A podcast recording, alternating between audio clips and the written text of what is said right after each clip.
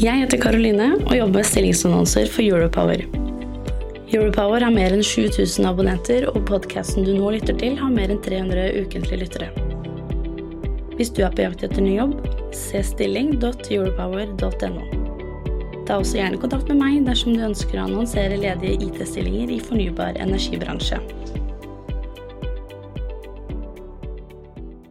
Den derre generelle key account-manageren som kommer med wienerbrød og kaffe og liksom skal snakke om alt mulig, opplever jeg at det er veldig få som er interessert i å snakke med. Du lytter til Teknologioptimistene fra Europower Partner. Redaksjonen i Europower har ikke medvirka i denne produksjonen. Energibransjen står overfor IT-investeringer på mange milliarder kroner de neste årene. Hvordan foregår de store IT-beslutningene, og hvem sitter med beslutningsmyndigheten? Og hvem investerer og eier softwareselskapene som konkurrerer om oppdragene? Er du en teknologioptimist? Har du lyst til å utgjøre en forskjell i energibransjen? Gå inn på stilling.europower.no for å se ledige stillinger akkurat nå.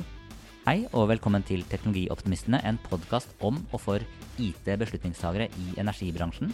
Jeg heter Skjul Kristian Aamodt, og jeg har bakgrunn fra det å bygge, internasjonalisere og selge softwareselskap. Og nå jobber jeg som kommersiell leder i nyhetstjenesten Europower. Med meg her i studio i dag så har jeg Dagfinn Ringås, CEO i Segal. Eh, velkommen, Dagfinn. Tusen takk. Visste du at teknologioptimistene i energibransjen nå skal møtes for erfaringsdeling og nettverkbygging? Gå inn på teknologioptimistene.no for mer informasjon om energibransjens IT-konferanse. Vi går rett på sak. Dagfinn, hvem er du? ja, når jeg jobber, så er jeg, er jeg, leder av det nye Segal, som er en sammenslåing av Segal og Sysko. Født og oppvokst i tech. Startet i et selskap som het Superoffice på 90-tallet. Var ti år i Microsoft. Fikk lov å lede Schneider Electric i Norge en del år etter det. Så liksom tech og energi ble på et eller annet vis min, min bane i livet. da. og gikk til Sysko i 2019. ja. Og hvordan vil kollegene i Cisco beskrive deg? Oh, det er et vanskelig spørsmål å svare på, men det er forhåpentligvis optimistisk, energisk visjonær. Eh, og, og, en som på en måte bringer, bringer godt vær inn i organisasjonen. Eh, håper jeg i hvert fall. Um, og en som kanskje har et ganske ja, klart bilde på hvor jeg ønsker at vi skal gå som organisasjon, og hva vi drømmer om å få til, og hva vi ønsker å få til. Ja. Da skal vi komme inn på hva dere skal få til litt senere, men først har jeg lyst til å høre, har du en fun fact om deg selv? Uh, ja, og, ja, det har jeg. Jeg har en veldig rar interessekombinasjon. Jeg uh, elsker ishockey, hardrockmusikk og interiørdesign. Den komboen er ikke den mange siste, som har. Jeg, jeg, jeg, hang med på de to første. Den siste ja, ja. ja, Det er det som er morsomt. Det er at det er ikke mange som har akkurat den komboen, så jeg er litt rar sånn, men uh, ja, Da må jeg få spørre deg, for vi pusser opp kjelleren nå. Ja. Og vi skal ha sånn spiler. Ja. Eh, eh hvor lenge kommer kommer det, til å være inn? For det har jo vært inn noen år. Eh, og jeg er litt redd for at eh, vi først får det når alle når det er ut, men Det er fryktelig vanskelig å ha en eh, presis krystallkule på mote i interiør. Men gå for spilene, det er dritfint. Ja. Jeg lagde en sånn spilevegg i trappen i huset midt i fjor, og det ble dødsfint. Ja. Så kjør på. Og går av moten, kan du plukke en av Ja, da blir det spilvegg. vegg. Uh, skal vi se, nå, nå, falt jeg litt av her. Uh, skal vi se, ja. Hvordan er en typisk arbeidshverdag for en CEO i Segal? Den er veldig variert. Altså det er, jo, det er jo Vi er jo et selskap som er i åtte forskjellige land, i 16-17 ulike byer. Så det er, mye, det er, en del reising, heldigvis, etter at det har åpna opp igjen etter covid. Da. Eh, så det er mye, mye snakking med folk rundt omkring på ulike kontorer. Det er mye møting med, med kunder, samarbeidspartnere. Eh, det er styremøter, det er strategisamlinger, det er ledermøter. Så det er et veldig, sånn, veldig variert hverdag. Eh, samtidig så er det som i alle andre lederjobber at det er, det er en drøss med problemløsning. da. Det er liksom ikke en dag uten ei floke. Det er, er, det åtte til fire, eller er det nei, mer Nei, nei det, altså det er eh, og det er ikke noe sånn at jeg liksom jobber meg i hjel på noen måte, men det er, det er, noen ganger er det åtte til fire, an- andre ganger er det to til ti, noen ganger er det både morgen og kveld. Så det er litt sånn en miks, som for de fleste andre, tror jeg. Eh, og vi er jo et teknologiselskap med fleksibilitet rundt alt vi gjør, så, så det er liksom det er ikke én fast arbeidsplass fra åtte til fire. Det er rundt omkring overalt med laptopen i hånda, liksom.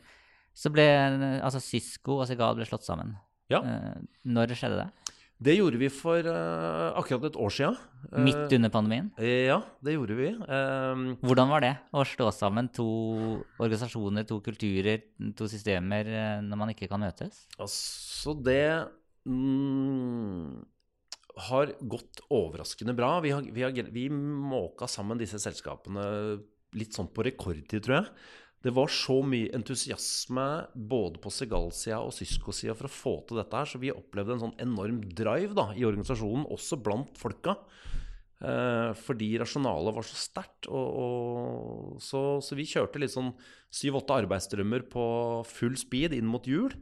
Måka det sammen og, og fake ut av startblokka 1.1 i 2022. Eh, så det har Så det er klart det er vi har jo noen utfordringer, vi som alle andre selskaper. Det med litt sånn generell kulturbygging under Sånn som at det har vært utfordrende under covid. Nå åpner det heldigvis opp igjen, da. Men, men det gikk fint i, i, i, i sammenslåingen. For det er også effektivt å kunne gjøre unna mange av disse møtene på Teams og sånn. Så vi fikk gjort mye da på kort tid.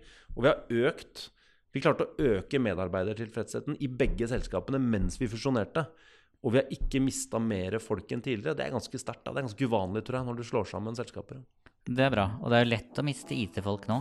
Veldig. Det Og det, det, det har nok også økt eh, gjennom covid. Det hører jeg mange av kollegaene mine si. Folk hopper mer.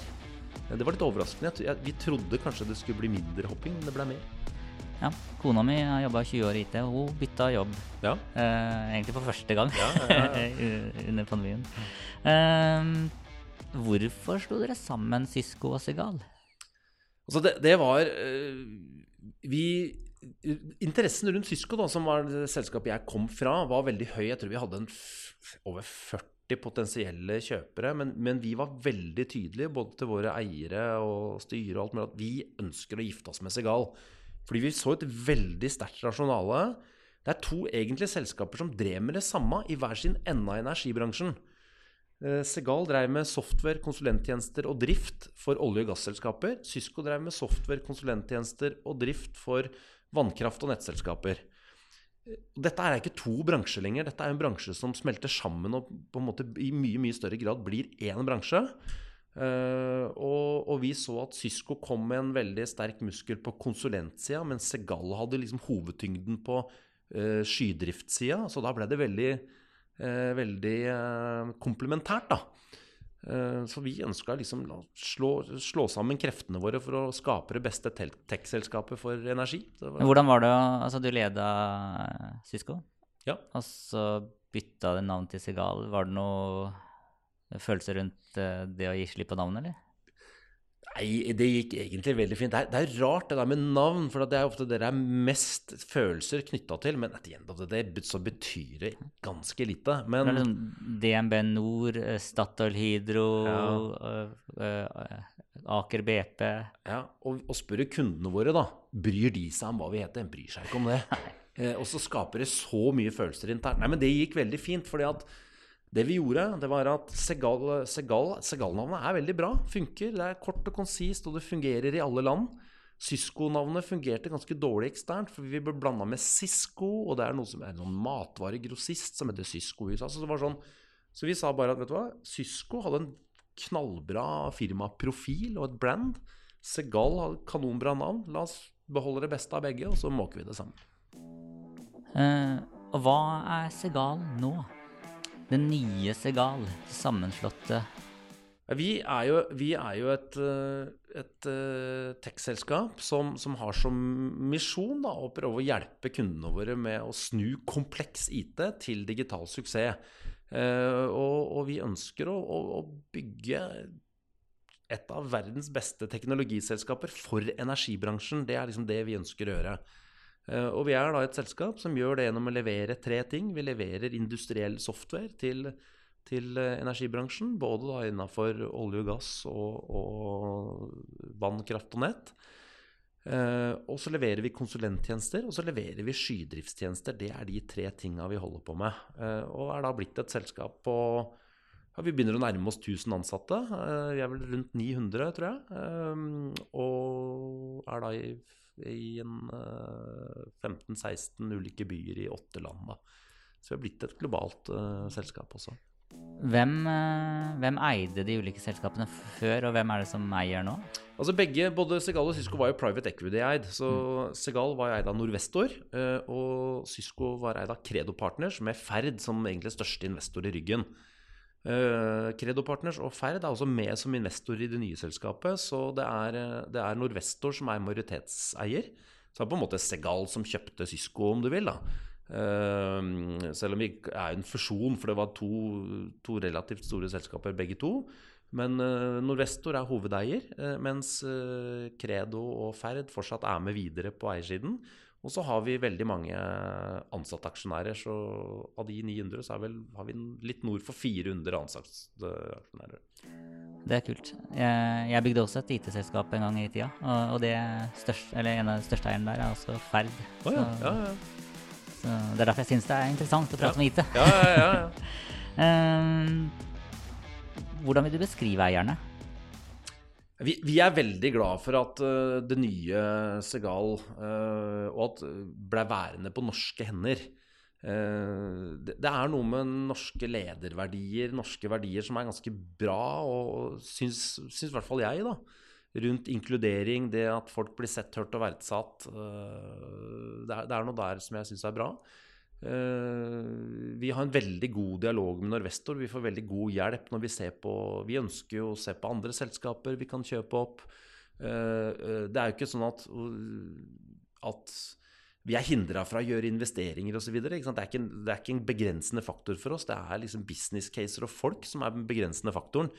Har vi gode ideer, ser vi gode industrielle rasjonaler for å gjøre spennende ting da, som vi mener er bra for kundene våre, så er eierne våre med på det. Så, så det er en veldig, veldig eh, bra, bra, rigg å ha i ryggen. Det var Credo Partners, og det er Norvestor. Og de har jo også vært med på å profesjonalisere disse selskapene. fordi både, både Segal og Cisco er jo, er jo gründerstarta selskaper fra Vestlandet. Det er, det er liksom fantastisk gründerspirit i begge de selskapene. Men etter hvert som de blir større, så øker krav og forventninger, og du må sette ting i system, og prosessene må profesjonaliseres og greier. Og da er det veldig bra å ha sånne type eiere i ryggen, da. Uh, du, uh, du, leder jo Sigal, uh, og nå snart 1000 ansatte. da, er det jo, altså, da er det en gruppe som rapporterer til deg, og du måler dem. Men hvordan Hva er det eierne Altså, i styremøtet så er det du som må rapportere. Hva er det eierne måler deg på? Altså der, der, føler jeg at vi er i veldig samme båt. fordi at, og, og igjen, jeg opplever at både Norvestor øh, og Credo, som var med oss før, de, de, forstår at dette handler ikke bare om finansielle mål. Uh, jeg er jo en brobygger mellom liksom, Det er klart vi er en kommersiell virksomhet. Vi ønsker å vokse, vi ønsker å tjene penger, vi må ha en viss lønnsomhet osv. Uh, investorene våre forventer en avkastning. da. Men jeg kan, ikke, jeg kan jo ikke stå foran 1000 ansatte og si at nå skal vi liksom til 2 milliarder eller 3 milliarder, eller så klapper alle høflig. Det, det betyr jo ikke noe for noen i hverdagen. Det driver ingen hjerter, da. Ikke mitt heller. Så vi må ha noe mer enn det. Så vi har noen finansielle mål. I tillegg så har vi veldig tydelige mål rundt det at vi skal liksom vinne kampen om gode hoder. Det å greie å utvikle folk, få inn flere kvinner i selskapet, flere yngre i selskapet vårt. Så liksom ha, å ha liksom world class medarbeiderengasjement, det har vi mål på. Vi har mål på å tilby folka våre meningsfylt arbeid. Dvs. Si at vi skal gjøre meningsfylte prosjekter, meningsfylt uh, veldedighetsarbeid, uh, innovere nye meningsfylte løsninger. For mening er viktig for folka våre. da. Og så har vi en, en, fjerde ting som handler om omdømmet vårt. Og det er jo kundetilfredshet og vellykka prosjekter og at vi ikke skal snuble. Vi gjør jo det noen ganger, vi òg. Det er jo vondt for oss når, hvis det er prosjekter som ikke går veien og sånn. Så, så, derfor så vi, vi har finansielle mål. Vi har mål rundt folk, og vi, og, og vi har mål rundt meningsfylt arbeid, og vi har mål rundt omdømme. Det, så der er vi veldig, og det er det jeg blir holdt ansvarlig for å utvikle i virksomheten også. Hva slags selskap ser dere etter uh, hvis dere skal kjøpe opp? Vi, vi ser egentlig langs uh, tre akser, og vi har en veldig aktiv agenda. Vi har møter hver 14. dag. Vi er et sånt M&A-board, og vi, vi, vi, har gjort to mindre oppkjøp i år. Segal og Sysko samla de siste tre årene har vel gjort en 11-12 oppkjøp, tror jeg.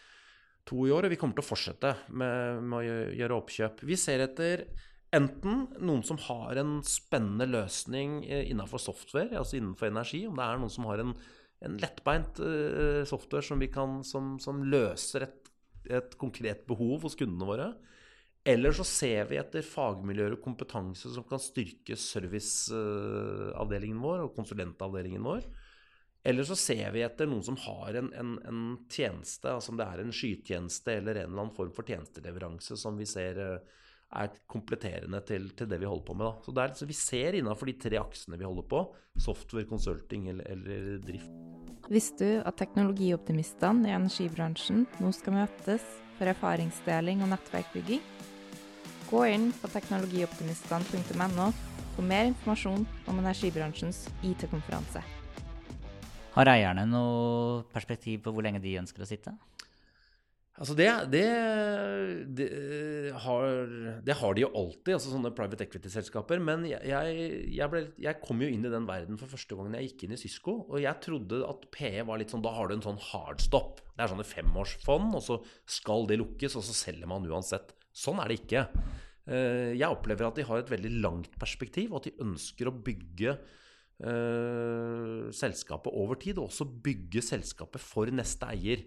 Eh, og så er det jo naturlig, disse femårssyklusene lever jo litt, men ofte så forlenger man de, da, hvis man ser at her ønsker vi å sitte lenger. Og Norvestor har vel vært eh, inne i Segal i syv år nå. Eh, så, så, så, jeg opplever at den horisonten er ganske langsiktig, da. Som jeg syns er veldig ålreit. Så jeg har lyst til å gå litt tilbake til det du sa rundt at uh, de ansatte hos deg Altså det er viktig at de har en mening med det de gjør. Er det, hvilke utfordringer, eller, hva, hvordan vil du beskrive Hva er det som gir mest mening? Og så, så selvfølgelig er det individuelt, men, men, dere har sikkert sett litt på hva er det dere løser? Hvilket problem er Segal problemløser på? Ja, ikke sant? Hvis du skal prøve å svare på det liksom todelt, da, hvis du tenker på hva, er, hva som er liksom vår Når vi har definert vår visjon, hva er, vi, liksom, hva er det vi drømmer om å få til her? Hva, hva, er det, hva er det folk ønsker å være med på? Det er vanskelig når du har 900 stykker, ikke sant? for det er 900 forskjellige drømmer og ønsker. Men det er to ting som er veldig sterkt hos folka våre. De ønsker å jobbe i et kult tech-selskap som har spennende, kule teknologiprosjekter, som får jobbe med liksom, liksom bleeding edge tech. Det er det ene. Det andre er at jeg har lyst til å være med på, på prosjekter og ting som gir mening. Derfor har vi sagt at vi ønsker å bygge et selskap som som både er et knallsterkt teknologiselskap, men som er med til å bidra til en mer bærekraftig framtid i den transformasjonen som energibransjen står overfor. Den liksom visjonen der gir mening for folka våre. da. Så det er jo derfor vi liksom, Og hva, hva, er det vi prøver å løse, da? Eh, det er jo Jeg tror jeg, jeg leste her en, en, en undersøkelse som sa at 80% av alle CIO-er nå sier at kompleksiteten rundt IT er blitt veldig mye større enn han var før. Så CIO-ene der ute har en fryktelig vanskelig jobb. Eh, og vi ønsker å hjelpe de med å løse den kompleksiteten og faktisk skape digital suksess. Da. Og hva innebærer det? Jo, for de har, de har en utfordring med at det er mer og mer press ovenfra på dem. Det, det, blir mer krav fra styre, eiere, politikere. Du må skape forretningsgevinst av IT. Vi er lei av å bruke penger på IT bare for å være på siste versjon av SAP, liksom. Eh, vi skal ha forretningsgevinst. Så presset blir hardere. På, og så ser de ned i suppa da, av løsninger. Gamle systemer, nye systemer. Eh, Mastodont-suiter og nye teknologier. Sky, hybrid, multicloud. Kompleksiteten er bare helt Du kan bli helt gæren av den, ikke sant? Det er et fint område å jobbe som konsulent i. Jo, jo, jo, jo, men da må du liksom snirkle hva, hva er det vi skal hjelpe dem med? Mm. Jo, det, det er igjen tilbake til tre ting. Da. Det ene er jo liksom infrastrukturen. Liksom, nett, drift, PC-er. Altså det, det, skal bare funke, og det skal være sikkert. Der må du hjelpe folk. I tillegg så ønsker vi å hjelpe folk med å integrere teknologier og få teknologier til å spille sammen. Fordi det er ikke ingen som har bare én teknologiplattform. Alle har masse forskjellige greier. Så vi ønsker å hjelpe dem med å integrere teknologier og snu dataene deres om til insekt. Og så ønsker vi å hjelpe dem med å lage mer lettbeinte software-løsninger. Ikke sånne svære mastodontsuiter, men, men, en lettbeint app for produksjonsplanlegging eller energidispatching eller en eller annen seismikkanalyse for å finne havfester på, til vindmøllene på havbunnen osv. Liksom en løsning som, som, fikser et problem. da. Det er de, de tre tinga vi ønsker å liksom hjelpe, eller områdene vi ønsker å hjelpe dem med. Sikker skydrift i hybride miljøer. Konsulenter som kan hjelpe dem å integrere ting og snu data til innsikt. Og, og lage lettbeint software som liksom fikser et problem. Uh, hvor langt er energibransjen kommet? Altså, uh, jeg har jobba med software også inn i, i olja eh, mm. siden 2001. og når jeg var der, så var det jo Skyløsninger var jo bannlyst. Og så etter hvert så har man turt å løfte mer og mer ut i skien. Mm. Eh, hvor langt er eh, ja, både olje og fornybart kommet når det gjelder det å løfte ting ut i skien? Der opplever jeg at modenheten er, er, begynner å bli ganske bra. Eh, og det går jo litt sånn i faser, det skyløftet. Og det er ikke bare for energibransjen. Første fase var jo litt sånn Det starta jo med Hotmail og alle nettbankene og alle, e-posten hvor alle de liksom tingene som vi ikke har tenkt på som skyløsninger, men som jo er skyløsninger. Og så kom andre bølge, som var kanskje Office-pakken og Teams og alle disse tingene her, som vi Litt sånn smør og brød-applikasjoner, som vi ofte kaller det. da. Nå ser vi en veldig bølge av at også større, tyngre fagsystemer løftes ut i skyen. Ehm, vi vant akkurat en stor avtale med Petronas i Malaysia. Vi løfter alle petrotekniske applikasjoner ut i Asher mm. og drifter det på Asher. Alt sammen. Eh, så, og, vi ser også at uh, Statnett, Elhub gjør innovative ting rundt å, løfte uh, løfte altså kritiske driftsløsninger da, ut, ut, i skyen. Så, så, der opplever jeg at, at, vi er kommet langt. Da. Og så er jo dere inne i energi. Ja. Og, og så er det en energikrig. Hva er dine tanker rundt det å løfte ting ut i skyen når Russland da spesielt sitter og jobber hardt for å ta ned systemer? Altså det, det er jo um, det handler jo, det handler jo om, om, evne til å sikre dataene. og, og det, jeg, det, mange har sett, og det jeg tror mange innser, er jo at flere av skyleverandørene, altså det både Microsoft og Google og AVS og Oracle og disse store skyleverandørene har av kompetanse rundt sikkerhet og sånn, det, det, er jo enormt. Uh, og det er i mange tilfeller mye større og bedre og sikrere enn det man greier å sikre sjøl. Uh, så, så jeg, jeg, tror den tilliten til, til skyleverandørene har, har vokst. Så, og, og, den tror jeg vi også er avhengig av. Det er klart, Du, du er jo avhengig av, av, å ha redundans og ha, ha, en strategi som handler om at du eh, at du må på en måte spre, spre risikoen din ved å kunne ha data på forskjellige steder osv. Men det ser vi også at mange gjør med hybrid-setup. Man har kanskje noe i egne datasentre, man har noe i våre, man har noe i noen Green Mountain, man har noe hos Microsoft, man har noe hos Oracle. Så man sprer man sprer risiko også, som at ikke, ja, man har alle en, på, på ett sted. Uh, men, jeg, men, jeg, tror de aller fleste innser at sikkerheten man får hos skyleverandører, og, og også av selskaper som oss, som er spesialisert på skydrift, den, den, er betydelig høyere enn det du klarer å holde deg oppdatert på sjøl. Så, så den, det, er, det, er, kanskje viktigere enn noen gang, gitt situasjonen nå, da, å, å lene seg på skileverandøren. Visste du at teknologioptimistene i energibransjen nå skal møtes for erfaringsdeling og nettverkbygging? Gå inn på teknologioptimistene.no for mer informasjon om energibransjens IT-konferanse. Um, du sier at dere skal tiltrekke dere de som ønsker å jobbe med helt i front på teknologi. Er energibransjen helt i front? Altså det er, eller, og det er litt sånn ledende spørsmål, for mange jeg har pratet med nå, sier at uh, nettselskaper de klarer ikke helt å ta til seg uh, smidig utvikling, henger uh, igjen i fossfallsmetoden. At det er fordi de har vært så vant med at et prosjekt er å bygge en, en strømlinje fra A til B. Det skal koste så mye, og den skal være ferdig innen den datoen. Mm. Og den skal lede strøm. Mm. Uh, mens smidig utvikling handler mer om at du ikke helt vet hvor, når du er ferdig, når, hvordan det vil se ut, fordi du kan ta svinger underveis. Mm. Hvordan leser du det landskapet, eller kjenner du deg igjen? Ja, det, det gjør jeg. Det kjenner meg igjen i. Eh, og jeg tror at eh, energibransjen har en vei å gå rundt, rundt modenheten her, men det, det må vi også hjelpe de på. Jeg, jeg forstår jo skepsisen mot hele smidig-universet også. Fordi, fordi det er jo ingen av oss som er noe glad i å si at jeg, jeg skal kjøpe en bil, og så skal vi liksom bygge den bilen underveis. Så veit jeg ikke helt når jeg får denne med hvilket utstyr jeg får, eller hvordan den blir seende ut til slutt. Det er ikke noe god følelse, det.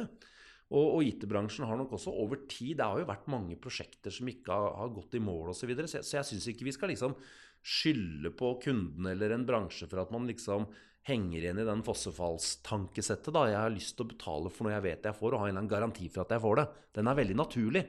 Men så ser vi at det fungerer veldig dårlig ofte i utvikling, og det er utrolig viktig å gjøre utviklingen av, løsninger i partnerskap og i samarbeid. ikke sant?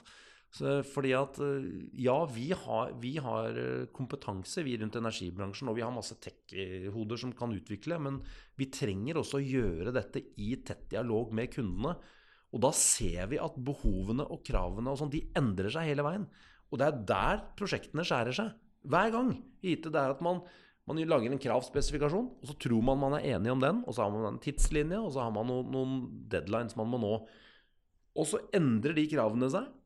eh, av en eller annen grunn, fordi det er flere som kommer inn i prosjektet fra kundesiden osv. Og, så og så begynner man å diskutere liksom, de, de, den opprinnelige kravspesifikasjonen. Og der skjærer det seg. Så det å kunne, kunne ha åpenhet for å tilpasse ting og, og, og justere ting underveis, som er liksom essensen i smidig-metodikken. Det, det er en bedre vei å gå. Så det, så det, det tror jeg nok uh, at energibransjen også må innse. Og så må vi ikke klart, vi, vi kan ikke utnytte den situasjonen og da bare bli sittende og tenke at ja, jo lenger vi får melke dette prosjektet, jo bedre er det. Vi må vise at vi er tjent å få løsningen ferdig, vi, så fort som mulig, egentlig. Vi, vi i tech-selskapene ønsker å få løsningen ferdig raskt. Vi ønsker ikke å sitte i sånne evinnelige prosjekter som aldri blir, blir ferdig, ikke sant? En analogi er jo eh, jeg nevnte, Når du nevnte interiør, så nevnte jeg at vi pusser opp. Ja. Eh, Vi eh, valgte å gå på timer Ja. med de som med entreprenørene var. Ja. Og vi vet ikke helt hvor dyrt det blir, og vi vet ikke helt når det blir ferdig. Kanskje er det fordi kona mi jobber med, jobber, eller, jobber med IT, da, at hun tør å gjøre det.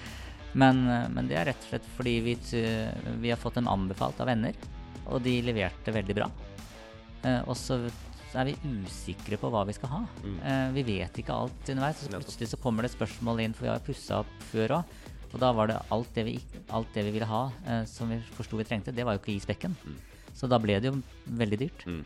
Så vi, vi går på timer eh, og kaller det litt sånn smidig utvikling av kjelleren, da. Ja, men du, du, sa noe, du sa noe helt essensielt der. ikke sant? Du sa at du hadde fått de anbefalt. Mm. Så du har en tillit til at de har egentlig lyst til å skape noe som er kult hjemme hos deg. Ja. Så blir det kanskje litt dyrere, men, men du har sikkert ikke følelsen av at de er hos deg bare for å kunne fakturere så mange timer som mulig. Nei. Det er litt av problemet vårt også inn mot energibransjen. Er nok, de har nok kanskje en følelse av Og det er ikke så rart, hvis vi er et konsulenthus som lever av å fakturere timer. De har sikkert lyst til å bare sitte her og la det takstameteret gå og fakturere med høygaffel. Det har vi ikke. Så det må vi være mye flinkere til å, til å snakke om at det er bedre for oss å lage en løsning sammen med dere som funker, som vi kan selge til andre selskaper.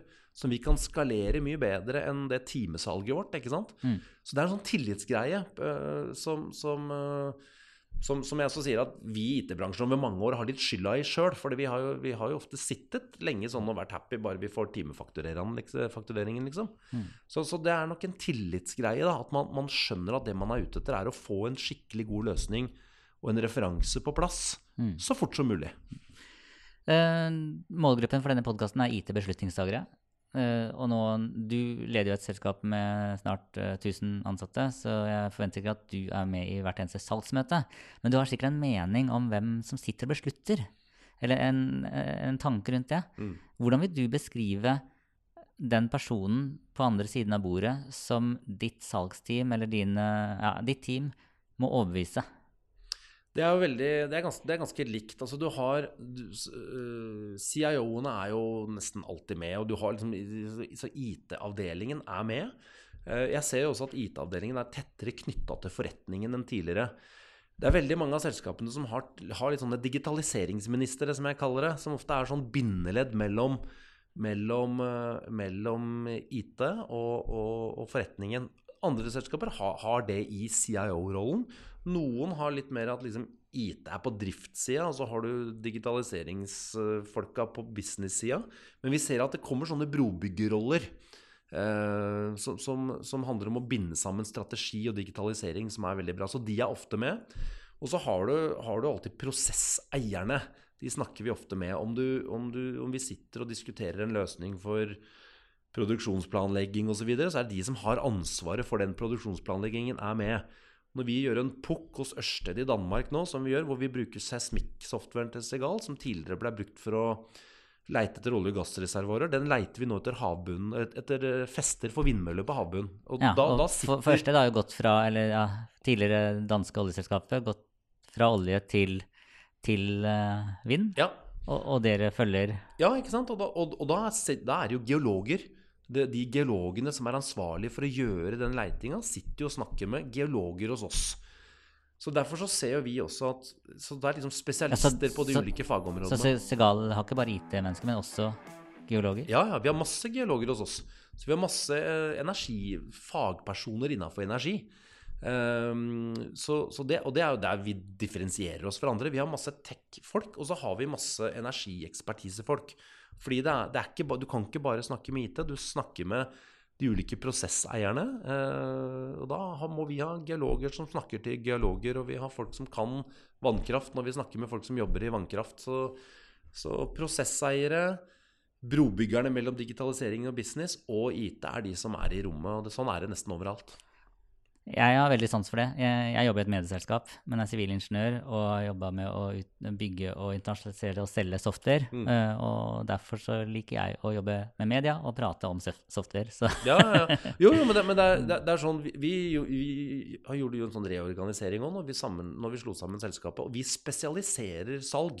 Det er veldig få som liksom altså Den derre generelle key account manageren som kommer med wienerbrød og kaffe og liksom skal snakke om alt mulig, opplever jeg at det er veldig få som er interessert i å snakke med. Mm. Kundene våre er interessert i å snakke med folk som har peil på det de holder på med. Så vi prøver å matche. Vi må, ha, vi må selvfølgelig ha IT-arkitekter og teknikere som er gode rådgivere på hva skal du flytte til skyen, og hvordan og hvorfor og sånn. Men vi trenger også å ha fagpersoner og spesialister som kan noe innafor enten data og analyse eller seismikk eller energidispatching eller, eller integrasjon mot Elhub og eh, målerdata og den type ting. Så, eksperter som snakker med eksperter, det opplever jeg veldig er det kundene ønsker seg. Ikke bare, ikke bare generalister som meg, da. Eh, vi, vi, vi, vi kunne aldri ha lykkes med Segal hvis de hadde fylt opp med folk som meg. Eh, jeg er en generalist, egentlig. Vi, trenger masse spesialister. Og det opplever jeg at det er det kundene våre ønsker å snakke med om. Da eh, gjenstår det egentlig bare ett, og kanskje det viktigste spørsmålet. Eh, og det tar jeg til alle som har vært innom eh, denne podkastserien. Min første datamaskin var en Amiga 500. Hva var din første datamaskin? IBM Aptva kjøpte jeg på Blindern, på den der studentbutikken på Blindern. Veldig tvil om jeg skulle kjøpe Mac eller eh, PC. Fikk et råd, eh, som er den samme grunnen til at eh, Windows Phone gikk ned i do og Apple Phone og iPhone vant. Ikke fordi iPhone var en bedre telefon, men han sa det så enkelt at det er litt mer applikasjoner. Det er litt mer kompabilitet med applikasjoner på PC-en, og da kjøper jeg den. Eh, så det var en IBM Det var en sånn 386 eh, CPU eller noe sånt med 4 megabyte. RAM var det vel, det var vel ikke gigabyte. Kosta, kosta vel hele stipendet mitt for det året, tror jeg. Eh, men det var den første Det var sånn Den kjøpte jeg i 95. 95. Ja. ja. Data Eller det var nok ikke den siste PC-en din. Nei, det har blitt, det har blitt mange Det har blitt mange etter det. Ja. Så Da sier jeg tusen takk for at du eh, tok deg tiden til å komme hit og ta en prat om, eh, om eh, selskapet ditt og, og, bransjen. Tusen takk for at jeg fikk lov å komme. Veldig gøy å være her. Jeg heter Skjul Kristian Aamodt, og jeg er en teknologioptimist. Og Dagfinn, hva er du? Jeg er en uh, teknologi-fussfighter. For jeg ønsker å hjelpe kundene med å redusere kompleksitet og skape digital suksess. Så en fussfighter vil jeg kalle meg innenfor teknologi. Tusen takk. Visste du at teknologioptimistene i energibransjen nå skal møtes for erfaringsdeling og nettverkbygging? Gå inn på teknologioptimistene.no for mer informasjon om energibransjens IT-konferanse.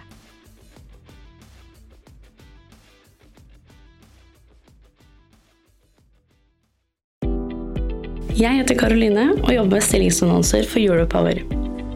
Europower har mer enn 7000 abonnenter, og podkasten du nå lytter til, har mer enn 300 ukentlige lyttere. Hvis du er på jakt etter ny jobb, se stilling.europower.no. Ta også gjerne kontakt med meg dersom du ønsker å annonsere ledige IT-stillinger i fornybar energibransje.